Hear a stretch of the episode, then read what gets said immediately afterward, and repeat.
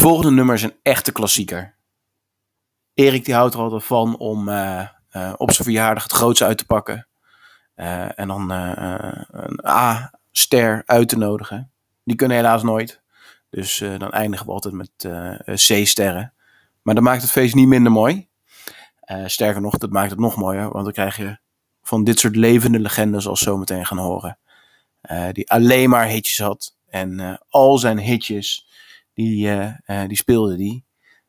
alle drie. En dat deed hij wel drie keer per stuk. Uh, dus we gaan nu lekker luisteren naar de one and only Dev Rhymes.